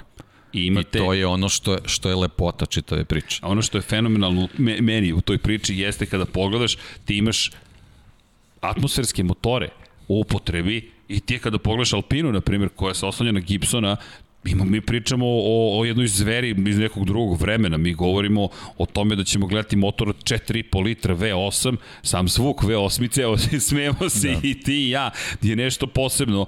Da li je to najbolja stvar na svetu? Pa, Jeste, zašto? Zato što tako dobro zvuči i to sad nekako čudno zvuči šest brzina, 4,5 hiljade kubika. Ne, ja moram priznati recimo ovaj, vez, vezano za to, mislim čitava, čitava priča LMP2 kategorija sad već, već, već o, o, o, o, kategorija koja su oslanjala na, na LMP1, Jeste. Mo, automobili LMP2 kategorije koji su dalje aktualni, koji učestvuju, koji učestvuju na ovogodišnjem Le ćemo, naravno. Oni se, su se mnogo bolje čuli od LMP1 automobila. Ako je recimo taj utisak sa, sa stazi, men, meni je to bio utisak, ja sam bio pre, pre nekoliko godina na, na 24 sata Le Mana i o, LMP2 automobili su mi nekako onako kao, ok, pa to je taj koncept. Uh, uh, uh, pristupačni su velikom broju ovaj, ekipa, mogu da se, da se pripreme za, za trku tako da, da budeš konkurentan, da se uvek nadaš da, da ćeš ostvariti neki visoki plasma, što u principu suština tih trka izdržljivosti. Jeste, i ono što je tu lepo videti, vratit ćemo se i na hiperautomobile, kada pogledaš i Pro-Am kategoriju, to su to isto zanimljivo nešto, ti otvaraš vrate nekim drugim, inače ima dosta zvučnih imena i ove godine. Ne, ne, baš, baš ima, inače ima imamo 60 automobila ove godine ukupno na Le Manu, u stvari 60 plus 1, pošto je ponovo vraćena eksperimentalna kategorija i to je ona 60, 61. garaža čuvena u Le Manu ove godine, ovaj, imamo a, pro, a, prošle godine stupao kvadriplegičar ovaj, a, kao, kao eto prvi invalid koji se našao Matthew Lahey koji je učestvovao u, u ovaj u, u, u 24 časa Le Mans s tim što on bio u, u, u automobilu koji se nalazi u standardnoj konkurenciji a ove godine eto istorijski nastup imamo a, a, trojicu vozača koji se koji se nalaze u, u, u jednom automobilu kao tim, ovaj sva sva trojica imaju posebne potrebe tako da ovaj eto to je to je jedna od od zanimljivosti vezana za za ovogodišnji Le Mans, znači imamo 60 automobila ne računajući taj jedan, da, raspoređeni su kroz kroz četiri kategorije, ovaj i kao što si rekao, veliki broj ovaj poznatih imena što što eto ukazuje koliko je ta sama trka uvek uvek primamljiva ovaj vozačima ovaj, kao, ne, kao neki trofej u karijeri. Da, inače za one koje zanima, Oreka 07 Gibson kombinacija će biti baš za Takumu Aoki, Nigela Baileya i Matthew Alaheja. Da, da. To su, to su ljudi i, i Alaheja I to su inače LMP2 automobili, ozbi, ozbiljni, ozbiljni automobili. Da, pa opet kada pričamo o toj Oreka koja, da. opet vraćamo se na Gibsona, opet se vraćamo na, u ovom slučaju, govorimo o, o 4,2 litre motoru. Mi ne govorimo o nečemu što je mači kašalj. Naprotiv, će biti vrlo ozbiljno i oni se takmiče u Evropskoj Le Mans seriji. Inače, kada spomenjamo, pored hiperautomobila i LMP2 kategorije, LMGT Pro GT, da, i to, GT da, da, AMP. Da. Prosto delimo na Pro to je, i amatere. To je za mene onako, to je ta legendarna klasa koja koju uvek treba pratiti na Le Mansu. I, i da. kada pogledaš ko nastupa i u, u GT, LMGT Pro, kako se zvanično zove, to opet Nick Tandy jedan će biti tu. Ljudi, vodite računa, Korveta je uvek opasna. Prosto tu imate Ferrari, Porsche i Korveta. Korveta se vraća, inače. Da, to, to, to je malo, malo da, da pojača taj, ovaj, taj, taj taj trilling čisto da, da, da bude zanimljivije trke. I to je nova C8.R, da, da, da, to je da. prosto prošle godine se pojavila. E, inače, ne samo što imate 61 vozilo, već to su ljudi koji se takmiče što u šampionatu sveta u izdržljivosti, što u evropskoj Le Mans seriji, azijskoj Le Mans seriji, tamo se borite da dobijete priliku da dođete na... Pa da, evo, vezano za LMGT šam, pro šampionat, samo tu ćemo nabrojati neka imena, neću sad ići, neću ići po, po, po automobilima i timovima, nego ću samo ovako ovaj, da izdvojimo par. Izdvojiti par, znači Gian Maria Bruni, čovjek koji je vozio Formulu 1, mislim već je veteran, ali, ali je naravno u toj priči Miguel Molina, Sam Brda, Alvaro Parente, Niljani, to su sve vozače koji imaju iskustva što iz GT šampionata, što iz trka i izdržljivosti, tako. Maxi Martin koji je vozio DTM, Van Tor, Makovjecki, to su sve vozači Kevin koji imaju... Kevin Estre, razno razni. Šampionata da, da, da. stižu, ali fenomenalno. Inače, Juan Pablo Montoya će nastupati. Da, da da ne zaboravimo, biće za Dragon Speed, američku ekipu sa Orekom će nastupati, uglavnom su Oreki i Aurusi, inače Nick De Vries, spomenuli smo, opet veza, nastupaće za G-Drive Racing, to je ono što je zanimljivo, Franco Colapinto i Roman Rusinov će nastupati zajedno sa Nikom De Vriesom, to je posada broj 26, zaista impresivna imena, Stoffel pa ne, Van Dorn. kad smo već spominjali, da, Stoffel Van Dorn, Nick, eh, Nick De Vries će biti I to konkurenti o, će biti. U LMP2 automobilu, da. tako je, imamo oca i sina Kevina i Jana Magnusena koji će biti u, u, istoj, u istoj ekipi. Mislim, ima zanimljivi stvari zbog kojih, zbog kojih treba, treba gledati, treba pratiti. Imamo dve posade dama od kojih je jedna zaista konkurentno LP, u LMP2 kategoriji uh, Richard Mille Racing Team imaćemo Tatjanu Calderon, Sofiju Floerš i Becke Weiser. Uh, Tatjana koje Calderon pratimo... koja je test, test vozač u, u, u Zauberu slash Alfa Romeo, Sofiju Floerš koja je vozila Formulu 3, sećamo se onog spektakularnog udesa u Makao. Nažalost, to je privuklo pažnju na nju, ali ona je ali, dobar žene, vozač, odličan je vozač. vozač. Imamo Becke Weiser koja vozi u Formuli W. I to su sve ozbiljne, ozbiljne dame. To su dame koji imaju dosta kilo kilometar već iza Jeste. sebe i, i pokazale su da mogu da budu brze, pa ćemo videti, eto, ovaj, treba, treba njih pratiti, tako da, ovaj, ono, zanimljivo će biti. Što se tiče, da se vratimo taj hiper, hiper automobile. Izvini, mogu samo jednu stvar doći. Guido van der Garde, čisto da, da, da, da, da, da, da kad pogledaš Antonio Felix Costa. Uh, koga god, mislim, koga u svakom automobilu ćeš pronaći je fenomen, jednog iskusnog vozača, ali inače to je i ključ Lemana. Moraš da imaš iskusnu posadu Moraš. koja, koja shvata da prvih nekoliko krugova na Lemanu ne znači ništa. to, ne, to, je, to, je, to, je, to, je, to, nije, ni, to nije ni tako početak. Je, tako je, tako da ovaj, to je to je nešto što što je na Le Manu neprocenjivo i skuplja se iskustvo godinama. Ne možeš bukvalno za, za jednu trku da uradiš nešto više. Ali u hiperautomobilima da. pet posada i pročitao bih sve posade planski Toyota Gazoo Racing broj 7 Mike Conway Kamui Kobayashi, Jose Maria Lopez. Iskusna posada Toyotina, da. Vrlo ozbiljna da, da. posada. Da. Broj 8, Sebastian Buemi, da. Brandon Hartley i Kazuki Nakajima. pa vi da. sad birajte. Toyota protiv Toyota koliko god da su zajedno. Kazuki Nakajima doktor kvalifikacija na Lemanu. Da. Ali vidi Brandon Hartley koji je stalno tu, da. svaka čast Hartley, da. prosto stvorio jednu karijeru, karijeru u Alpini. Nikolas Lapierre, Andre Negrao i Mathieu Vaxivier. Dakle, da, da, takođe iskusna posada. Da. Iskusno, vrlo da. posada. Glickenhaus Racing, ovo mi je zanimljivo. U Glickenhaus koji je zapravo američki tim i ceo Glickenhaus koncept, to je to je prosto čovek koji je A ne znam kako bismo nazvali čoveka ko osnovao Glickenhaus. Skuderije Cameron Glickenhaus. Govorimo o... Pa neko mašta da leti na mesec i na Mars, neko tako mašta je, da ima, je, da ima je. trkački Trkačku automobil. ekipu, tako je. Podržavamo jedni i drugi. Apsolutno. James Glickenhaus je osnovao prosto e, svoju da. ekipu da. i eto, napravio Da, eto, on je, on je napravio ovaj korak ka, ka, ka tim hiperautomobilima, da ne bude samo Toyota u čitavoj priči, jer nekako ova godina se gleda kao, kao početna godina čitave Jest. priče, jer ne smo da zaboravimo, mi, mi sledeće godine čekamo Peugeot da zvanično nastupi imamo imamo oni su nedavno nedavno ovaj predstavili. U stvari ovo je slika kako to zaista treba da izgleda u toj kategoriji od, od sledeće sezone a već za 2023 Ferrari je najavio svoj automobil. kažem, čekamo Ferrari. i ne smemo da zaboravimo da su čitavi priči uh, formiranja koncepta hiperautomobila učestvovali Aston Martin, Ford i Audi. I već samo to nabrajanje tih imena pa kad pomnožite sa dva eventualno tri automobila dovodi do toga da ćemo za godinu dve u stvari imati zaista zaista pravu konkurenciju e, i prave trke u, tim, u toj hiperkategoriji. E, kada je reč o Ferrariju, tek to je ludački koncept, izvinite što koristim tu reč, ali to je jedan e, onako vatreni koncept. Oni su V12 odlučili da koriste, koji ima čak i hibridnu pomoć, to je pomoć električnih motora. Ja ne smem da zamislim, kažu da oni koji su uhvatili to vozilo u julu ove godine i čuli ga, kažu prelepi, prelepi zvuk V12 motora, potražite motor1.com je pisao o tome i, i baš pričaju o tome koliko je to sve impresivno.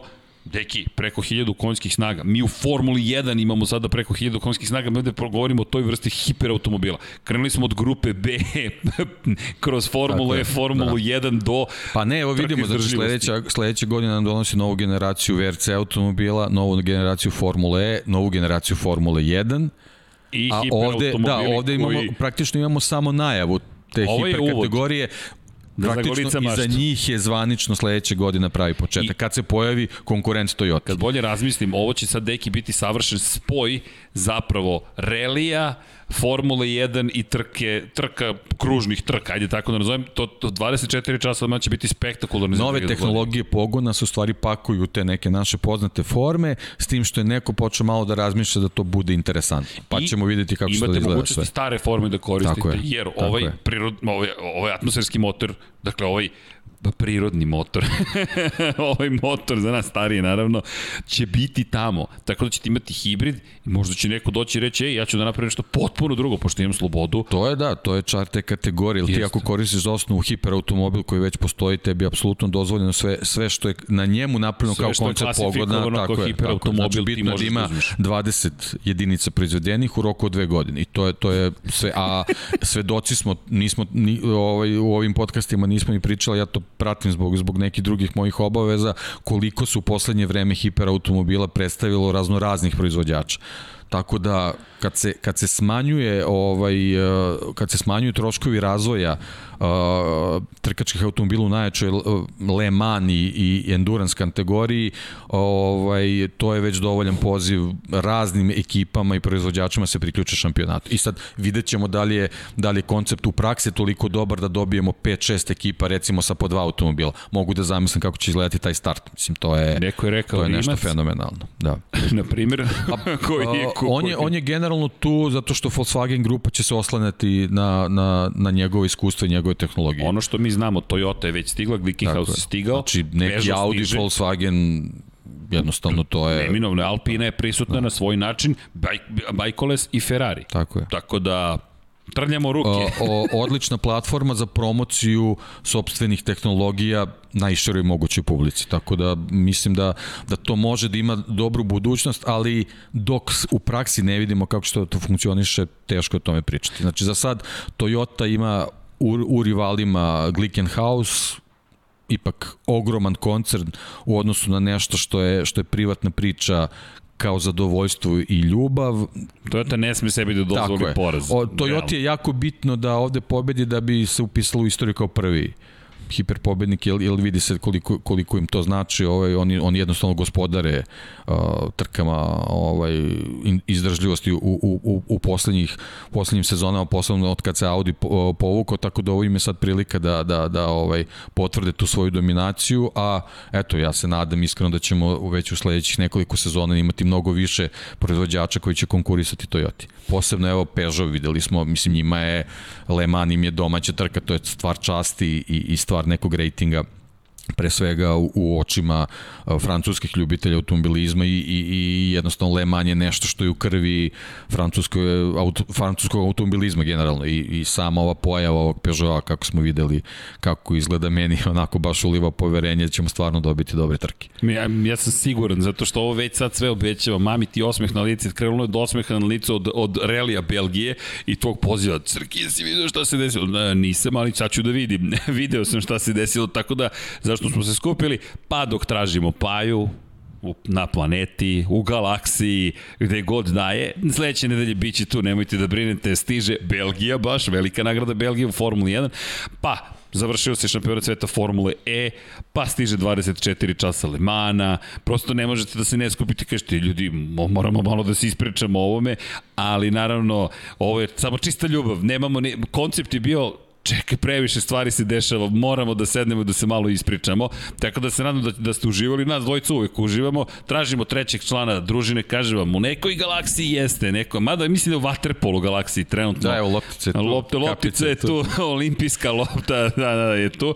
E, da li će dobiti sad i olimpijsku iz um, Tokija?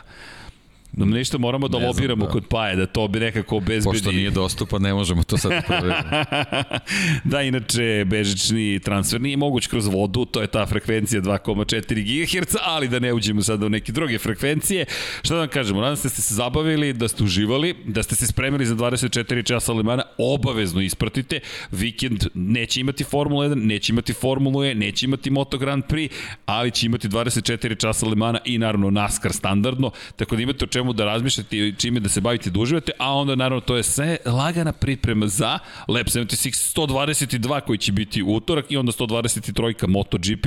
Zašto? Sledećeg vikenda sve se vraća na stazu. I Formula 1 i Moto Grand Prix, pa samim tim i mi se vraćamo, e, ptice se, rode se vraćaju s kući, Paja se vraća u studiju, tako da budite tu sa nama. Ja vam šaljem veliki pozdrav cijeli ekipe, vodite računa jednim drugima, volite se, mazite se, pazite se, vozite računa jednim drugima, udrite like, subscribe. Nismo pozdravili naše pokrovitelje s Patreona, Vanja, u malo, samo zato što je snimak, ne znači da ne sam, molim te, da li možeš da To Vanja, Sava, Toni Ruščić, Mario Vidović, Ivan Toškov, Mladen Krstić, gde nam Ivan? Ivan nije ovoga jutra tu. Mladen Krstić, Stefan Dulić, Marko Bogavac, Ozren Prpić, Marko Mostarac, Nikola Grujičić, Aleksa Vučaj, Zoltan Mezej, Zoran Šalamun, Miloš Banduka, Laslo Boroš, Đorđe Radojević, Ivan Simonović, Mihajlo Krgović, Nenad Ivić, Nikola Božinović, Monika Erceg, Omer Kovačević, Filip Banovački, Nedo Lepanović, Jelena, Miroslav Vučinić i 12 tajnih pokrovitelja. Patreon.com kroz Infinity Lighthouse. Već ne može da, da, da, ne može da stane da, i to je, to je, to je divno. Sjaj, da, ne, sjaj, hvala vam. Svaka čast svima vama, bez vas nema, nema ovoga. Podrška, to je to. I zajednica i sve ovo što delimo, zajedno energiju, prosto ideje, informacije i znanje, pišite i u komentarima i u četu, iako možda mi nismo tu, pošto je premijera, ali znam se se zabavljate. I kažemo, da uradimo nešto lepo, pozitivno, mi smo se potrudili, nadam se da podelimo našu energiju i informacije. Deki, Hvala, šta da ti kažem? Hvala tebi. Ne, ovo je baš bilo lepo.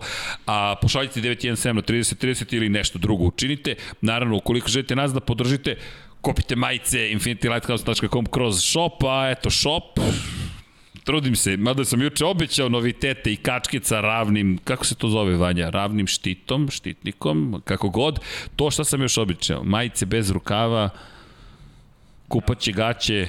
Obećao si vatreni september vatreni... u svakom slučaju, da. Kako? Jak, a jak, ne vidim ko hoće jaknu. ko lobira za jakne. Da, vatreni septembar, da, stiže nam. Završava se još malo avgust, da iskoristimo ovo leto, da se odmorimo i da nađemo Paju umeđu vremenu. I to je kao ka Carmen San, San Diego. Ko, ko će naći Paju Živkovića? Mi ćemo ga pronaći, nemojte da brinete. I naravno, šaljamo puno ljubavi iz studija na kraju univerzuma, cijela ekipa i naravno, Ćao svima. Ćao.